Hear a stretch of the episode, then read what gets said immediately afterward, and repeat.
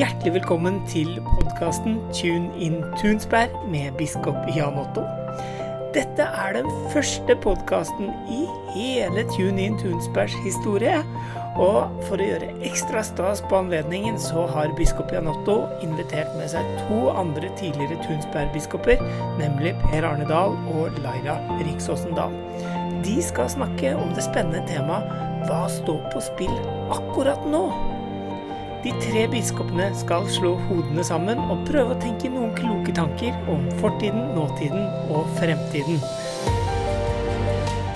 Men grunnen til at biskopene møtes, er ikke bare at de vil spille inn en fresh podkast. Det er også det at Tønsberg fyller 1150 år, og det er ikke så lite, det, for en by i Norge. Ja, noen ville påstå at det faktisk er den aller eldste byen vi har. Vi setter rett over til Litteraturhusbiblioteket i Tønsberg og ønsker deg en god lytting.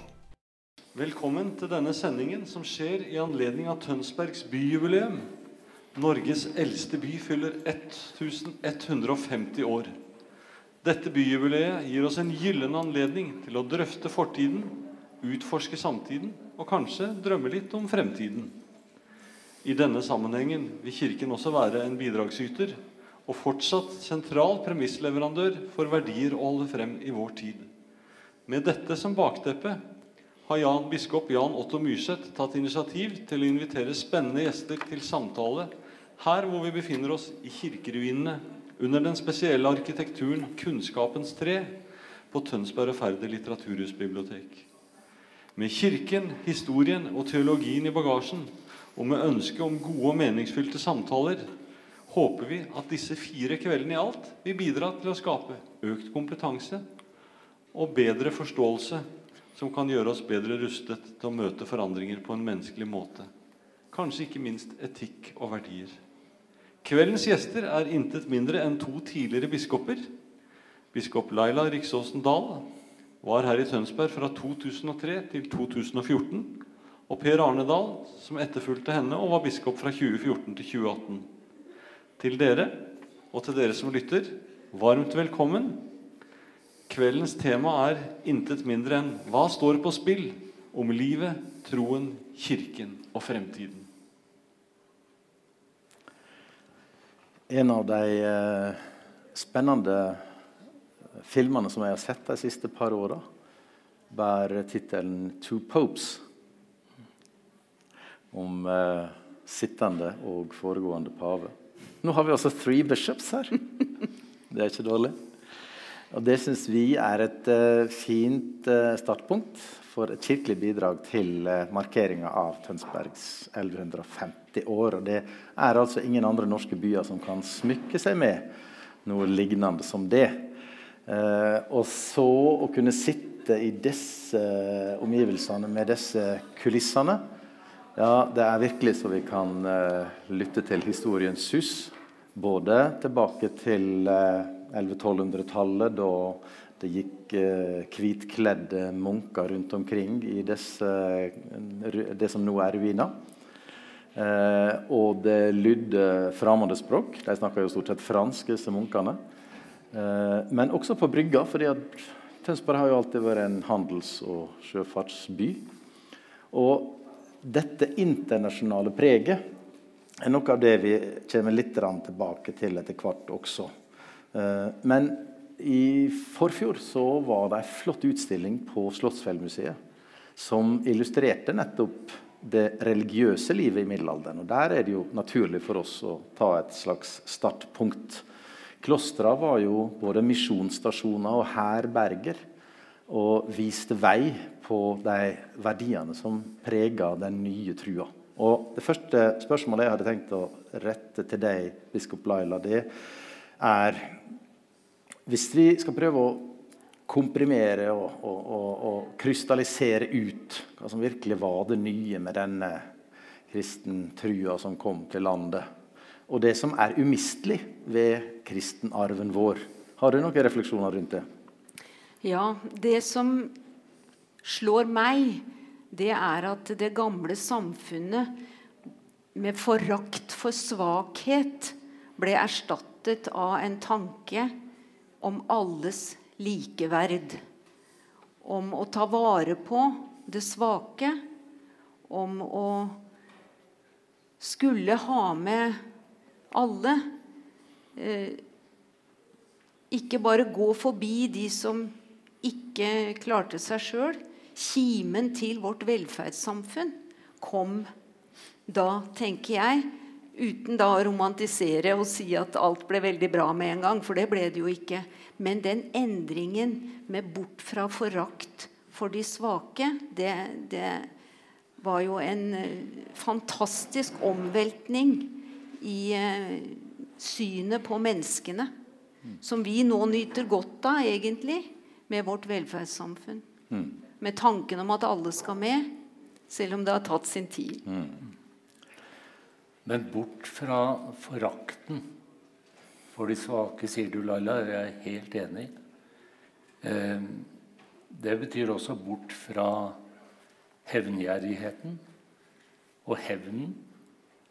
Eh, jeg leste litt eh, forleden dag i Karl Ove Knausgård sin fabelaktige essaysamling som heter 'Sjelens Amerika'. Og Der har han et eh, smykke av et kapittel midt i boken som heter 'Nåde'. Og for å henge meg på det du sa om forakten for det svake Han sier også at vi var i fredløshetens rike. Hvor den som skulle straffes, ble straffet med fredløshet og ikke med rett. Og fredløsheten var rett og slett en avstraffelse som gikk på at vi neglisjerte den andre. Vi ignorerte den andre, vi så ikke på den andre. Og Karl Ove Knausgård sier at hvorfor skulle man drepe den andre når man bare kunne overse den andre? Så dette bakteppet med, bakteppet med forakten, med fredløsheten Og så sier mot slutten av denne essayen Karl Olav Knausgård at eh, da opplevde jo i kristen tid dette fabelaktige spranget fra fredløshet til gjestfrihet. Mm. Ja, fantastisk. Eh, for noen år siden så var du med og markerte en viktig dato i uh, dette bispedømmets, eller denne delen av landets uh, historie. Og du forteller om uh, et kors ja. Eh, initiativtaker til eh, denne samtalen sammen med deg er jo kulturrådgiver mm. Tore Dvergastein i bispedømmet vårt. Mm. Og noe av det første han fortalte meg når jeg begynte her i 2014, det var om to år skal du få være med på noe spennende. Da skal vi feire gudstjeneste på Mølen i friluft. Og Palmesøndag 2016 kom det 3000 mennesker fra hele Vestfold og Sør-Norge. Nettopp for å markere at den første seieren skjedde her på Mølen med sverdet. Og så hadde komiteen gjort det geniale at de ikke bare møttes der ute hvor kampene foregikk, til lands og til vanns, men samme året så innviet de Nesjar-monumentet. Og der hadde Tore og de andre fått med seg en fabelaktig kunstner som heter Kyn. Martin Kyn. Og som laget et åpent kors. En svær steinblokk på over ti meter høy. Som er delt. Og det stykket som er tatt bort, er blitt til et sverd som ligger ved korsets fot.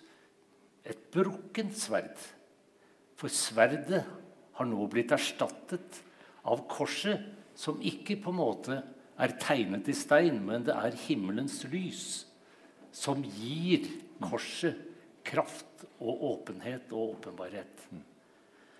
Og det syns jeg er så utrolig oppbyggelig å tenke på at der kan barna leke på det brukne sverdet ved korsets fot. Der kan en pilegrim legge seg og hvile. Og så syns jeg det er noe spennende. Vi feiret 1016 tusenårsjubileet. Her skal det feires i denne flotte byen Tønsberg om kort tid. Og så har vi det åpne korset i Helgerå, som kan sees fra land og fra vann.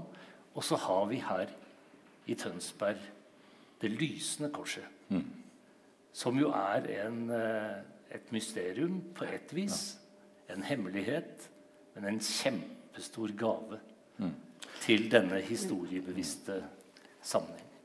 Men da må jeg få lov å si det jeg syns er så fantastisk med Tønsberg. Da jeg kom til Tønsberg og så relieffet eh, etter borgerkrigen, hvor man måtte overgi seg til seierherren kong Sverre, så er det altså et relieff av at Reidar Sennemann må knele for den seirende kong Sverre. Og det står på selveste politihuset med underskrift. Det kommer en dag da vi alle trenger nåde. Og det er det kong Sverre som sier. Og det har en altså på husveggen, og ikke hvilken som helst husvegg heller. For det ble etter hvert, etter det ble satt opp der, da, ble det politihuset. Og den, den historiebevisstheten som nedfeller seg altså i konkrete monumenter, det er helt fantastisk. Så gratulerer Tønsberg med, med jubileet. Korset er jo eh, historisk sett et torturredskap Ja. og en henrettelsesmetode. Men i kristendommen så er det jo blitt eh, kjærlighetens fremste symbol. Eh, det er ved å gi seg sjøl at Gud altså, eh, møt, altså møter oss med kjærlighet, som er sjølutgivende. Og når Jesus sammenfatter det sentrale i trua for oss, så er det jo ved å si du skal elske Herren i Gud, og du skal elske din neste som deg sjøl. Eh, Menneskeverdet var ikke selvsagt før kristendommens innføring, verken i Romerike eller her hos oss. Et barn kunne settes ut hvis det hadde feil kjønn, for eksempel, eller ikke var helt uh, velskapt. Eh, og mye annet som vi i dag vil tenke at var ganske så brutalt.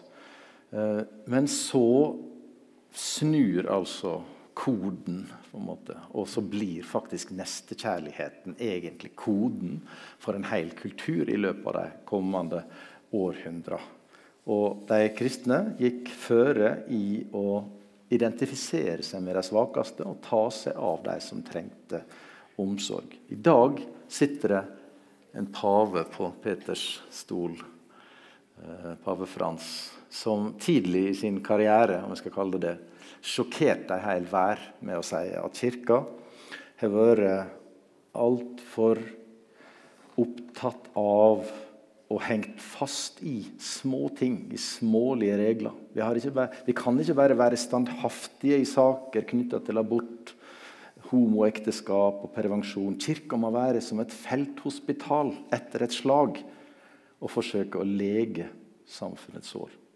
Er dette et gjenkjennelig bilde av den kirka folk møter i Norge i dag? Jeg husker at kvelden før gudstjenesten på Mølen Da skulle jeg tale om annerledeskongen. Han som både bar kongekrone og tornekrone.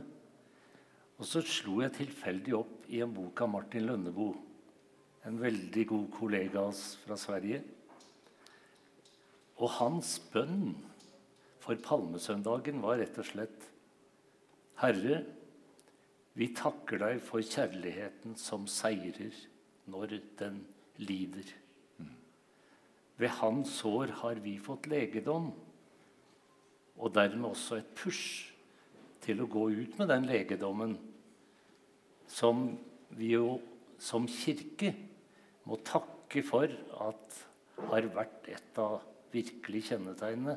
Er det ikke sånn du også har opplevd, Laila, med Kirkens Bymisjon når du kom her til byen? Oi, takk at vi på en måte har en institusjon som representerer dette herberget som du snakker om, Jan Otto. Ja, Kirken på sitt beste. Men jeg kjenner jo igjen det Frans sa, at vi er altfor opptatt av småting. Og jeg husker før jeg ble, ble innsatt som biskop, så ble jeg spurt av alle mulige slags media hva jeg mente om det og det etiske spørsmål. Og så sa jeg kan dere ikke spørre meg om hvordan i all verden det går an å tro på at Jesus sto opp fra de døde, da, sa jeg, for det er det som skapte kirke. Og jeg syntes det var flott at jeg hadde klart å si det, og det ble jo ikke gjengitt i noen, noen ikke sant? Så vi, vi, lar oss Eller vi blir veldig lett fanget i småspørsmål, og at andre setter den agendaen. Sånn at han sier det at vi må heve oss over og tenke på hva er det egentlig vi har å gå ut med? Jo, døden er ikke det siste. Det fins en overmann. Og vi skal være glad for både Bymisjonen og for Frelsesarmeen. Men har vi for, som kirke satsa litt for mye på dem? Har vi på en måte outsourca denne type omsorg og kjærlighetstjeneste?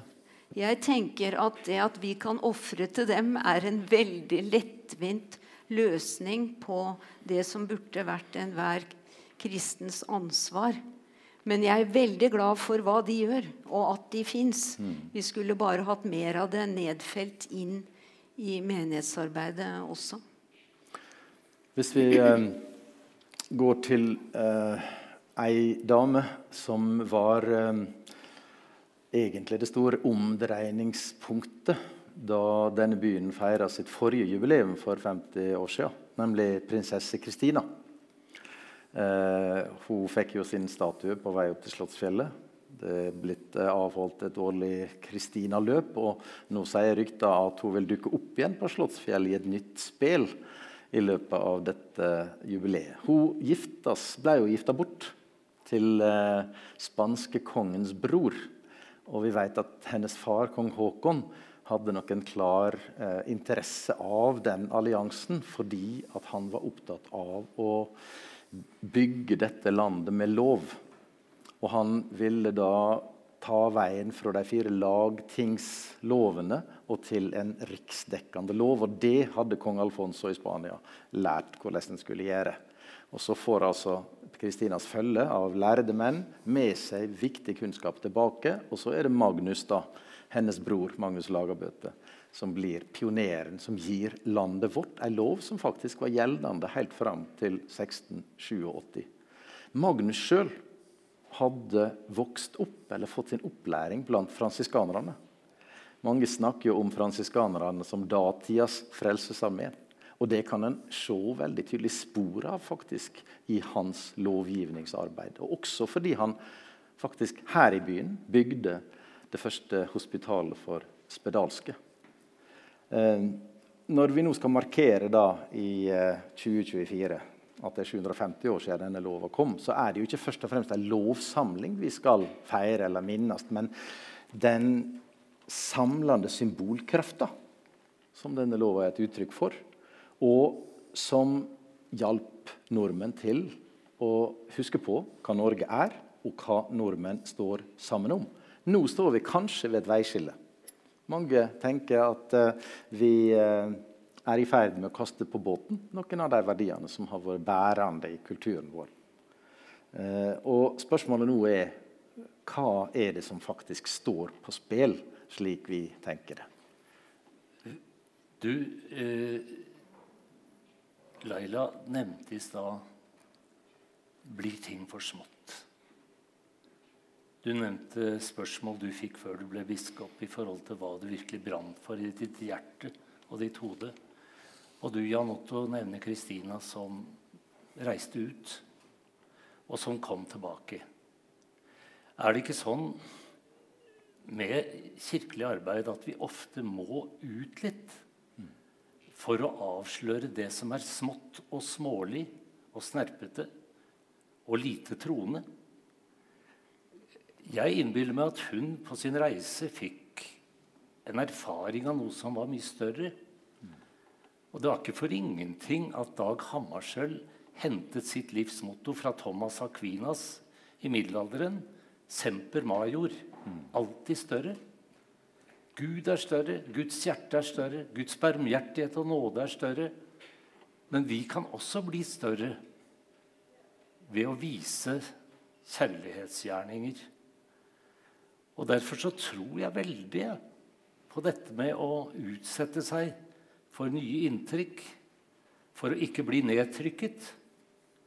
Det å utsette seg for noe som er større, for å få et møte med småligheten i vårt eget hjerte.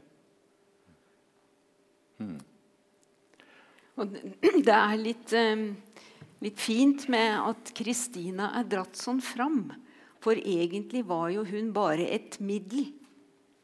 Og hvor mange kvinner har ikke vært sånne eh, bakmenn, hadde en nær sagt, bakspillere? Eh, for det var hun som egentlig var årsaken, sånn rent praktisk, da, at disse impulsene den gangen mm, kom. Mm.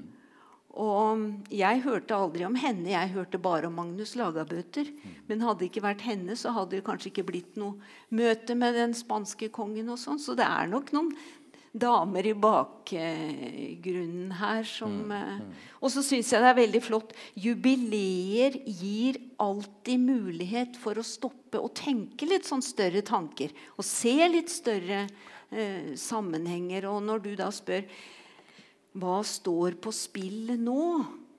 ja, så kan en jo si at den hovedtanken da, i Magnus Lagabøters, eller den nye tankene i Magnus Lagabøters lov, står på mange måter på spill. Eh, for nå er det jeg som skal mele min kake, og jeg som skal lykkes, og jeg, jeg, jeg. Vi er en veldig sånn eh, kultur for det. Og da blir vår neste borte. Det står på spill. Ja. Jeg hørte eh, din mann fortelle like før vi gikk inn her, om at han hadde sitt, uh, vært vertskap i forbindelse med uh, vaksinering på uh, heimplassen deres. Og så hadde han snakka med ei eldre kvinne som sa det at nei, men hun skulle ikke kaste bort sånt på meg, på oss gamle. Mm. er det noe av verdiene som er i ferd med å gå tapt? altså verdiene av menneskelivet helt ifra starten og til den uh, naturlige slutten? Ja, jeg må jo si jeg gleder meg over at vårt helsevesen og våre politikere har faktisk ikke tenkt som henne. Det syns jeg er en sånn gledelig ting inn. Alle liv er mye, eh, like mye verdt, sier de i den vaksinepolitikken, og det er ganske flott. Men hun sier ikke det. Hun føler seg gammel og tilsidesatt og ikke noe verdt. og sånn. Så vi har noe å kjempe for. At eh, folk skal ha den Også den positivt sunne, gode følelsen av selvverd, altså. Ja. Det som er objektivt sant, er ikke alltid skjerma og trygt, er det vel? Rane? Altså. Nei, når du spør hva er det som står på spill, så har vi et uh, bakteppe langt bak knyttet opp mot det vi har samtalt om nå, og knyttet opp mot at dette er et jubileum hvor vi ser tilbake både på det som var dårlig, og det som var ok. Men her vi sitter nå, kort tid etter to viktige dager i USA, så kjenner jeg at det er et par ting som står på spill.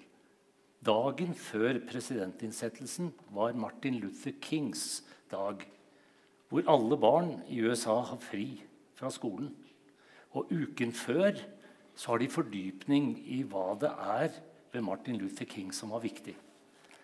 Og da leste jeg forleden dag Det var den dagen Martin Luther Kings dag. En av hans prekener.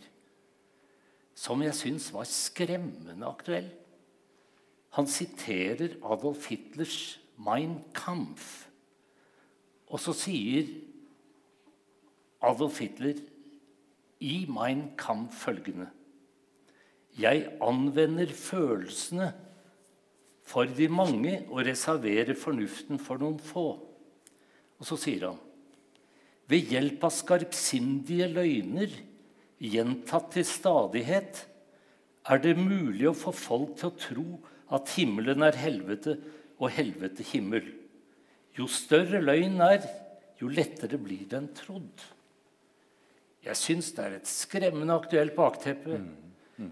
Når et menneske slutter å vise ansikt, så blir erstatningen fake. Fake news. Og da blir sannhet til løgn. Og det andre bakteppet som jeg syns knyttet seg til presidentinnsettelsen, det var jo Bidens konkretisering av hva er det som er viktig nå. Hva står på spill? Og det gjaldt USA. Og polarisering og splittelse. Men det gjelder like mye her hos oss. Og noe av det han gjentok flere ganger i talen, var jo behovet for enhet. At vi ikke tolker forskjellighet som fiendtlighet, men at vi kan tolke i tråd med god evangelisk-luthersk teologi forskjellighet som uttrykk for et gudskap kompletterende mangfold. Han talte virkelig til folket om skjerp, la oss skjerpe oss. Og det tror jeg er noe vi tre som eh, biskoper virkelig kan eh, kjenne på at dette står på spill også i vår kirke. Det har vært så mye krangling og fighting. Vi trenger en enhet basert på sannhet. Kanskje vi skulle invitere Joe Biden til neste kirkemøte?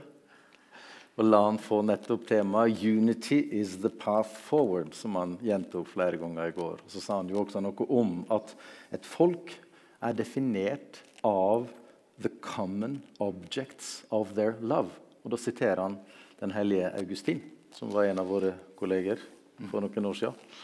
Men nå skal vi bevege oss fra store, den store scenen, verdensscenen, eh, og til en eh, heim i f.eks. St. Olavs gate her i Tønsberg, der det sitter et ungt par som eh, nettopp har fått sin førstefødte sønn. Og som lurer på hva slags bagasje de skal sende med denne lille gutten av verdier gjennom livet, og hva slags tilhørighet den skal få utover denne lille familien. Og Denne situasjonen kjenner vi alle, tror jeg, fra mange ganger der vi har vært på besøk eh, i forkant av eh, en dåp. Nå er det ikke sikkert de er enige om at de skal døpe. Men hva ville vi si da for å motivere dem til å tenke at det er en god ting for lille Per å få eh, tilhørighet til et stort fellesskap som går over tid og rom? Ja, For det første så er det viktig å si at uansett hva de velger, så velger de tilhørighet til et eller annet. Mm. Gjør jo det. Enten tilhørighet til en, en sammenheng som viser ut, også utover livet her. Også en sammenheng som har, har noe som er større enn seg sjøl. Eller så velger de ikke å ha en sammenheng som er større enn noe. Det er jo liksom punkt én. Og så tenker jeg at, at vi, vi må våge å si hva vi mener dåpen gir. Ikke liksom si Trekke det ned til nesten ingenting for å få folk med. Jeg tror på litt begeistret um, framleggelse av at vi har virkelig en sammenheng som gir oss håp. Mm. Og så tenker jeg at uh, det Det bør være med at den sammenhengen må være aktiv på en måte. Altså at du, du, du blir med i et fellesskap, så bli med i det, da. Mm. Altså med trosopplæring. Men jeg, det, jeg, tror det er en veldig kunst å snakke med et sånt par, og at en må være veldig lyttende. Men en må også være litt frimodig på Kirkens vegne, mm. tenker jeg. Og Det er jo et tema som er høyt i bevisstheten rundt omkring i mange staber akkurat nå. Hvordan vi kan, uten å være påtrengende eller dikterende, likevel gode støtter i den samtalen som dette foreldreparet kanskje skal føre. Kanskje de er uenige, om hvilken vei jeg skal gå. Jeg husker på, på MF så var det mange av oss eh, som la opp i systematikk, altså troslære, Regin Prenters bok 'Skapelse og gjenløsning'. Og da lærte vi mye om lov og evangelium. Vi lærte mindre om liv og evangelium.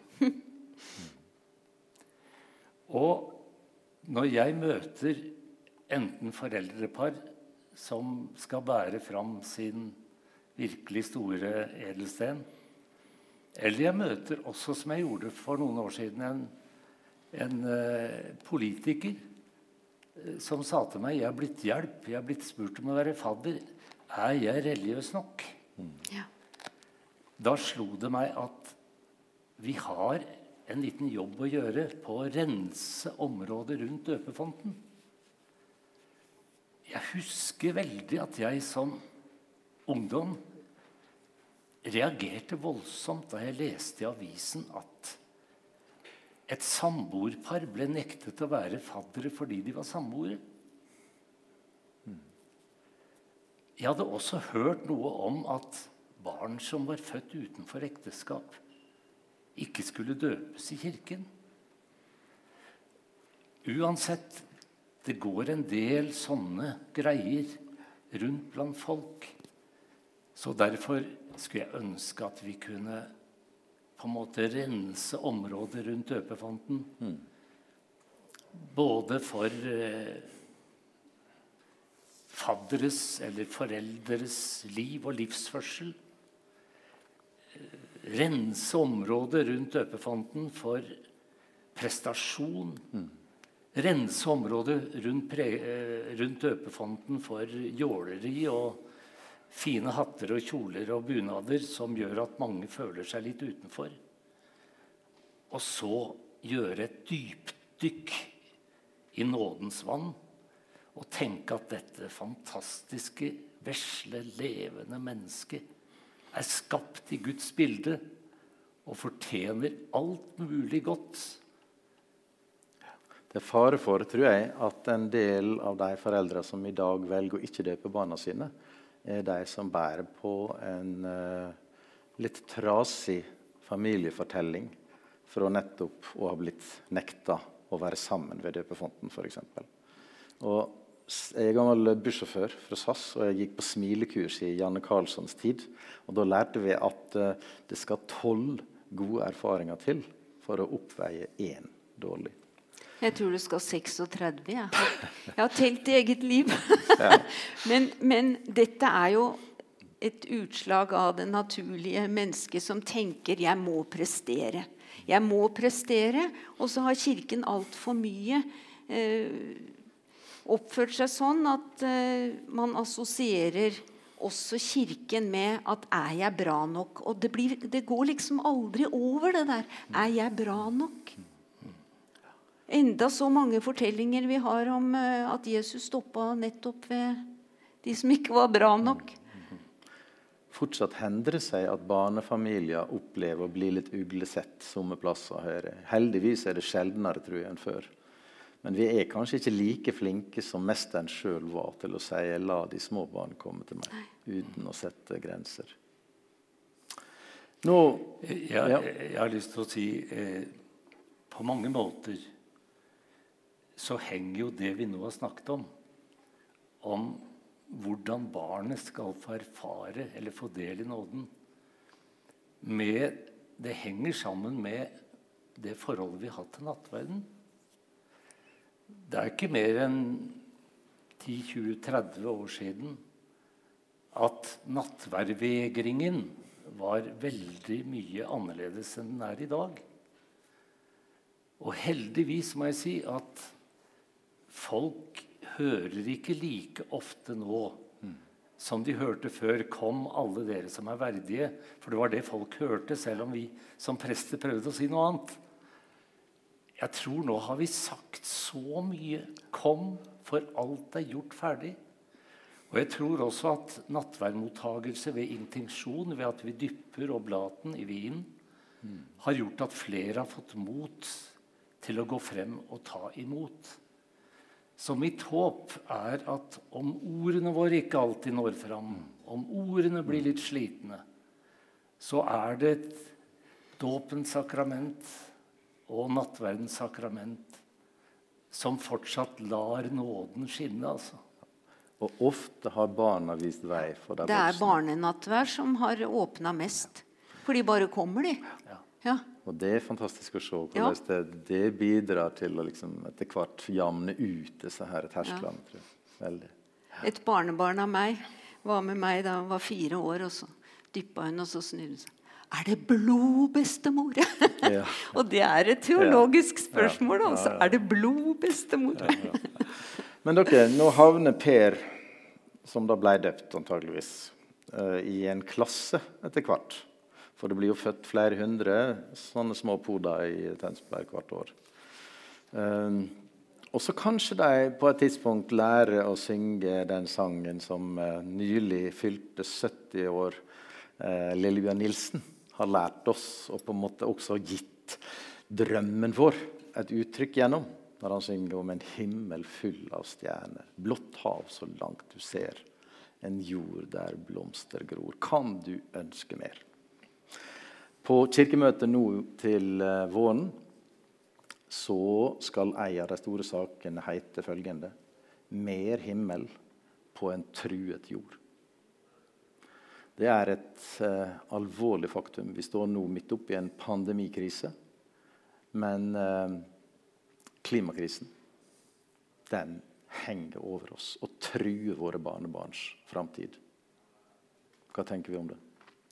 Jeg tenker at uh, at det er nesten rart at det er liksom to, to sånne piler som treffer hverandre. Vi, har- klimakrisen, hvem har forstått den? Det er de unge. Og så kommer pandemien og tar fra dem ungdommen. Så de har liksom fått alt på én gang. Og det jeg tenker står på spill, er faktisk håpet. Håpet om at eh, det går Det kan gå bra. Håpet om ja, rett og slett eh, gode liv. Og det er vanskelig for oss å skjønne som er uh, tidlig etterkrigsgenerasjon, hvor alt, all vår erfaring var at det ble bedre for hvert år. Vi har jo ikke opplevd tilbakeslag før nå, vi. Og så kommer det generasjoner som idet de blir forma, opplever faktisk tilbakeslag. Så det er vanskelig for oss å, å skjønne dem. Og jeg, egentlig, når det gjelder klimakrisen, er jeg litt stolt av Kirken. For den var tidlig ute. Eh, den var ute alt i 90-åra på kirkemøte og bispemøte med, med både fordelingsproblematikk og med grådighet. Var faktisk det. Og med grådigheten er jo bakgrunnen for at vi sitter i den klimakrisen.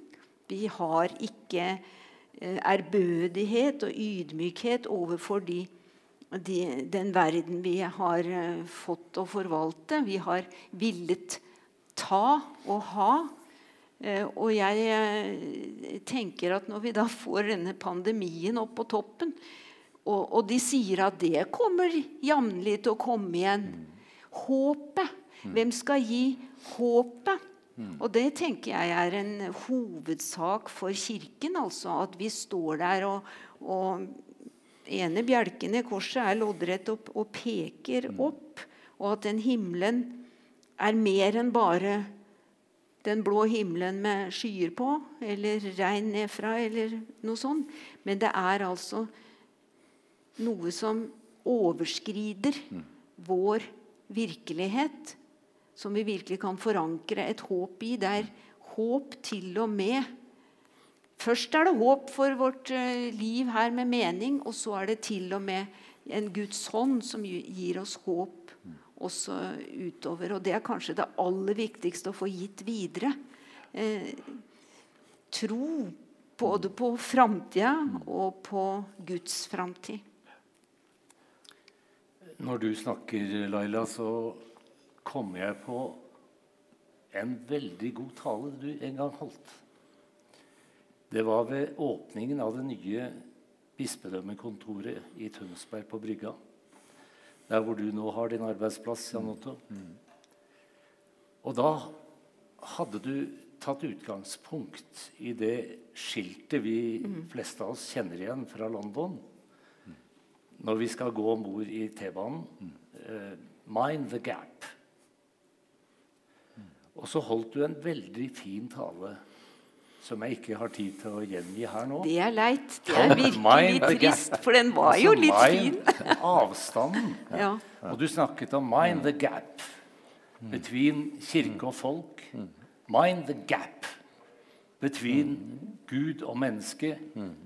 Og etter dine håpstanker nå så vil jeg gjerne føye til 'mind the gap' mellom vår fristelse til resignasjon som ikke behøver å bli resignasjon, men som kan føre til resignering av en livskontrakt med vår skaper, vår frelser Jesus og Helligånden, vår trøster. Og det er noe av det som ikke bare står på spill, men som venter på oss. Enn å fylle håpet både med et engasjement for rettferdighet, engasjement for respekt, engasjement for moder jord som gråter, og også fylle håpet med litt guts og mot. Jeg husker Thorvald Stoltenberg fortalte om siste, sin siste reise som utenriksminister for Norge, hvor han besøkte Vaklav Havel i Tsjekkia. Og det var flere hundre på pressekonferansen fordi det var begynt å gå forlydender om at Vaklav Havel skulle gå av som president. Så var det en norsk journalist, en kvinne, som spurte Vaklav Havel si meg Der du er nå, med all den erfaringen bakover, med blikket mot nåtiden og også blikket mot alderdommen og livets siste reise er du pessimist eller optimist? Og så svarer Havel, ifølge Thorvald Stoltenberg, som gikk bort for noen få år siden Jeg er ikke optimist, for jeg tror ikke at alt går bra. Men jeg er heller ikke pessimist, for jeg tror ikke at alt går dårlig.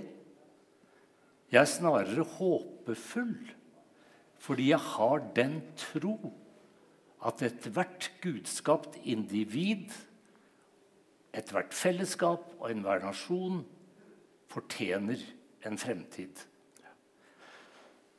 Det er et tegn til håp, vil jeg si, at som en av sine første presidentordre eh, i går, så sørga den nye president Biden for å resignere på Parisavtalen. Ja, for veldig bra. Ja. Så vi må heie på de som sitter med makta, men vi kan ikke regne med dem eller basere oss på dem.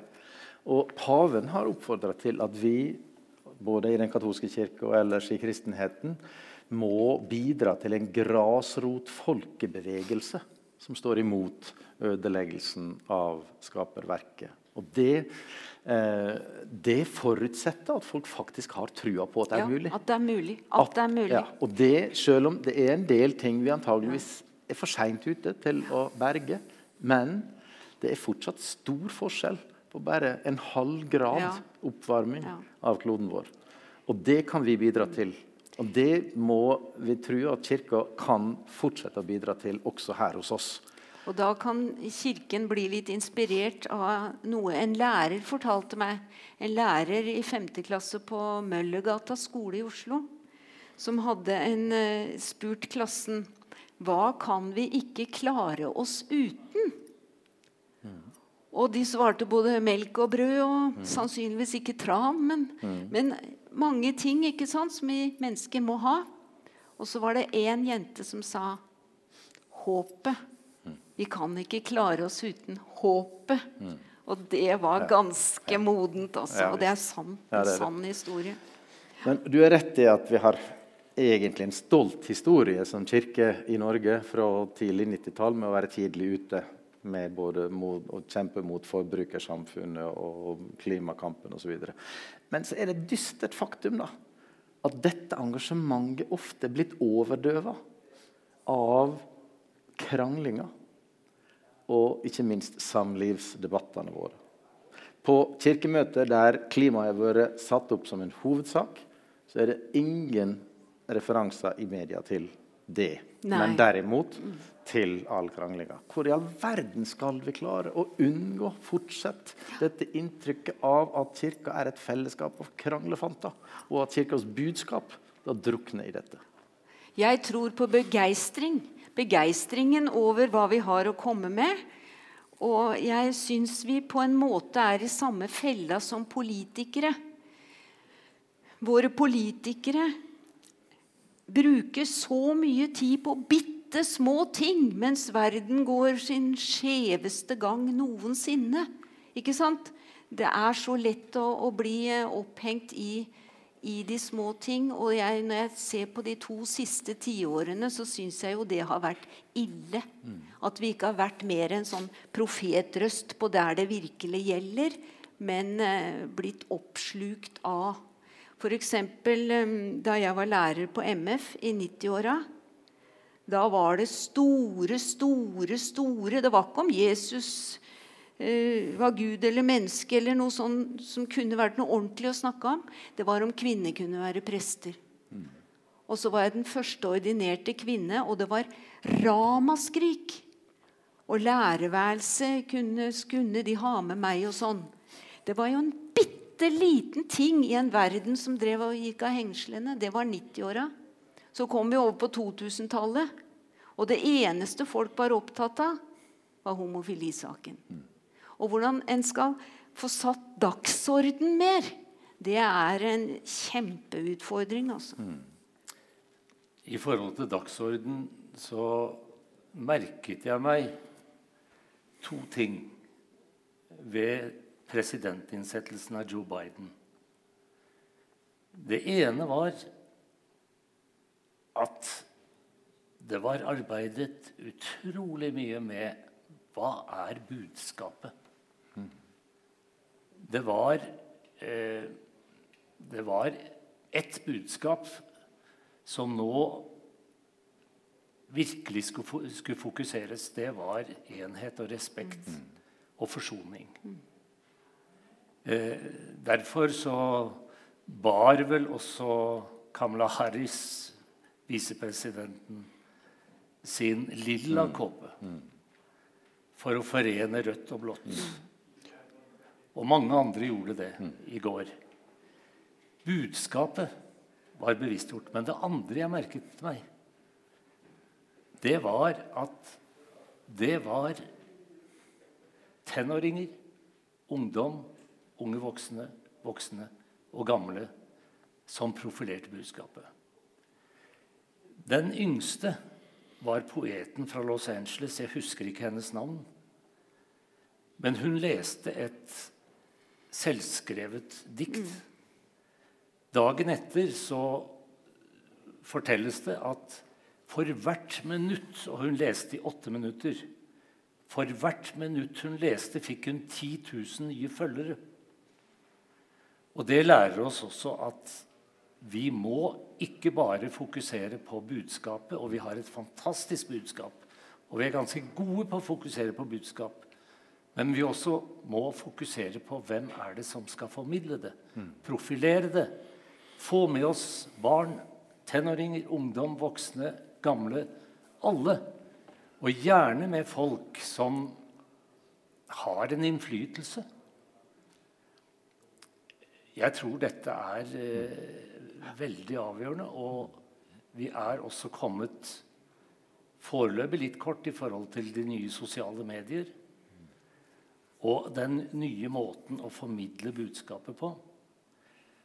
Jeg syns det er til ettertanke, når du fokuserer på miljøspørsmål til slutt, at eh, den svenske tenåringen Var det Grete Thunberg? Ja.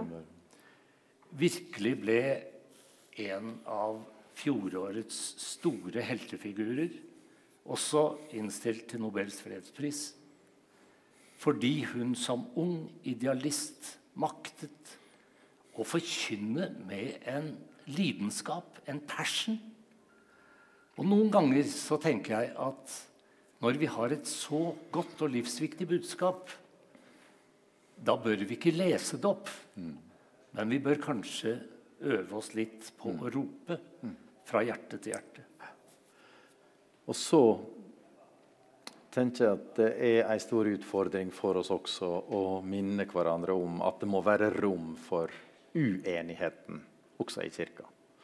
Eh, det må være både et symbolsk og et reelt rom for eh, de som mener det stikk motsatte av meg. For kirka er ikke et meningsfellesskap, men kanskje heller et uenighetsfellesskap. Og at vi som bekjenner oss til Paulus, som snakker om at vi alle ser stykkevis og delt, vi er simpelthen avhengige av hverandre og av å låne hverandres briller har han sagt, for å kunne se uh, det store bildet.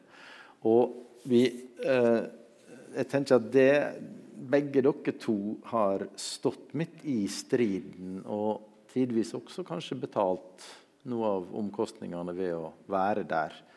Ikke om dere har lyst til å fortelle noe om eh, hvordan det har vært? Ja, når jeg tenker tilbake, så var det helt utenfor alle mine horisonter at det i det hele tatt var mulig for meg å bli prest. Og dermed så gikk jeg glipp av en masse flotte prestår, tenker jeg. Jeg gjorde jo noe annet som var hyggelig og fint og meningsfylt og sånn. Men ikke sant? Det er en omkostning eh, å ikke få bruke mer av livet på det som jeg syns ble så flott. Eh, og sånn er det bare, altså. ikke sant? Når en eh, en er mye et barn av sin tid. I hvert fall var jeg veldig det. Og jeg må også si at um, det var veldig strevsomt med homofilisaken. Veldig. For jeg har tatt masse selvkritikk på det at uh, jeg var født hadde jeg nær sagt, med et syn på dette. Og hadde aldri egentlig jobba noe særlig med det før jeg måtte eh, i bispemøtet. Og, og, det å møte seg sjøl i døra ved at jeg endra standpunkt, det, det, det, var ikke lettvint. Mange tenker at det var lettvint, at det var å snu kappa etter vinden, men det var forferdelig tungt. altså. Og, og nå tenker jeg når jeg ser tilbake, hvorfor i all verden brukte vi så mye krefter på det? Som tross alt burde tenkt mye mer. Ja, vi skjønner stykkevis, og da må vi jo tåle at vi kan komme til forskjellige konklusjoner. Og jeg syns Kirken har kommet lenger nå. altså Jeg må jo virkelig si det. At vi, vi tåler hverandre litt mer i kjærlighet nå. Mm. Men de, dem det har handla om, da Det å være en sak Jeg vet hvordan det er å være en sak ut fra det jeg er kvinne. Og de som kom i da den andre saken Det er jo veldig tungt å tenke på eh, hvor vondt det har vært for dem mm. å være en sak. Ja. Og det må være et mål for oss å unngå å diskriminere både meningsmotstandere ja. og de som da tilhører en eller annen minoritet. En av de teologer som har på en veldig positiv måte preget vår tid, er den søramerikanske frigjøringsteologen Jon Sobrinos. Mm. Han har en fabelaktig bok om nåde og etterfølgelse. Og det han er opptatt av, det er den Kristus vi følger etter. Det er den Kristus som ga seg selv det er den Kristus som bar tornekronen. Det er den Kristus som er på vei mot korset. Og den som betalte den høyeste prisen, er Jesus Kristus, som viste oss at alt som er verdifullt, har en pris. Og så er det opp gjennom historien fryktelig mange kvinner og menn som har betalt en høy pris og ikke minst forfulgte kristne over hele verden ja. i dag. Og det vil alltid være noe som koster ved å være hyrder. Og enten vi er prester, eller vi er biskoper, eller vi er misjonærer. Men det er noe som tilhører vår eksistens som hyrder. Og derfor så tenker jeg at det vi tror på og fighter for, det er jo ikke bare som du sa, at uh, mind the gap, Laila, men mind the grace. Og den nåden, den har alltid hatt en pris. Nåde er når alt er tapt, at få alt tilbake, sier Møllehavet. Jeg har tenkt når han har sagt det, skal lure på det. Men i et lengre perspektiv så har jeg klokkertro på nåden. Og derfor har jeg lyst til å si mind the grace, Laila. Men også det ordet som er avledet av grace. Mind the gratitude. Mind takknemligheten. Og jeg føler at jeg sitter her sammen med to bispekolleger som nok har mer å takke for enn å klage over. Mm. Absolutt. Ja, nåden er fundamentet og grunnvollen for denne kirka som vi ved nåden får tilhøre, den er lagt en gang for alle, skriver Paulus i Korinterbrevet. Og han bruker jo også dette flotte bildet av kroppen for å få fram hva det kristne fellesskapet er for noe.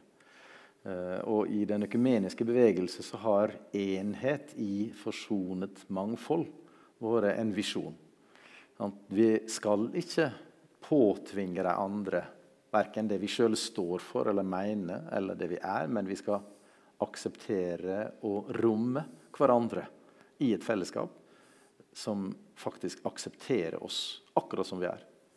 Og Den øvelsen, eller, og det vitnesbyrdet som det kan være, hvis kristne i større grad kan romme hverandre og akseptere hverandre midt i alt meningsmangfold og midt i alle, alle forskjeller som vi står i, ja, det vitnesbyrdet er sterkere enn noe, tror jeg. Men når du sier 'akseptere andre' Det henger sammen med aksept av en sjøl. Det henger sammen med en trygghet i seg sjøl. Og hvor kan vi få den tryggheten fra? Den kan vi bare få ved å ta inn at vi er Guds elskede barn. Det kan gi en sånn trygghet som gir mye større romslighet og raushet enn vi eh, på vårt dårligste viser, tenker jeg. Mm. Vi skal uh, nærme oss en uh, avrunding. Uh, men dere skal få god anledning til å komme med en sluttsalve.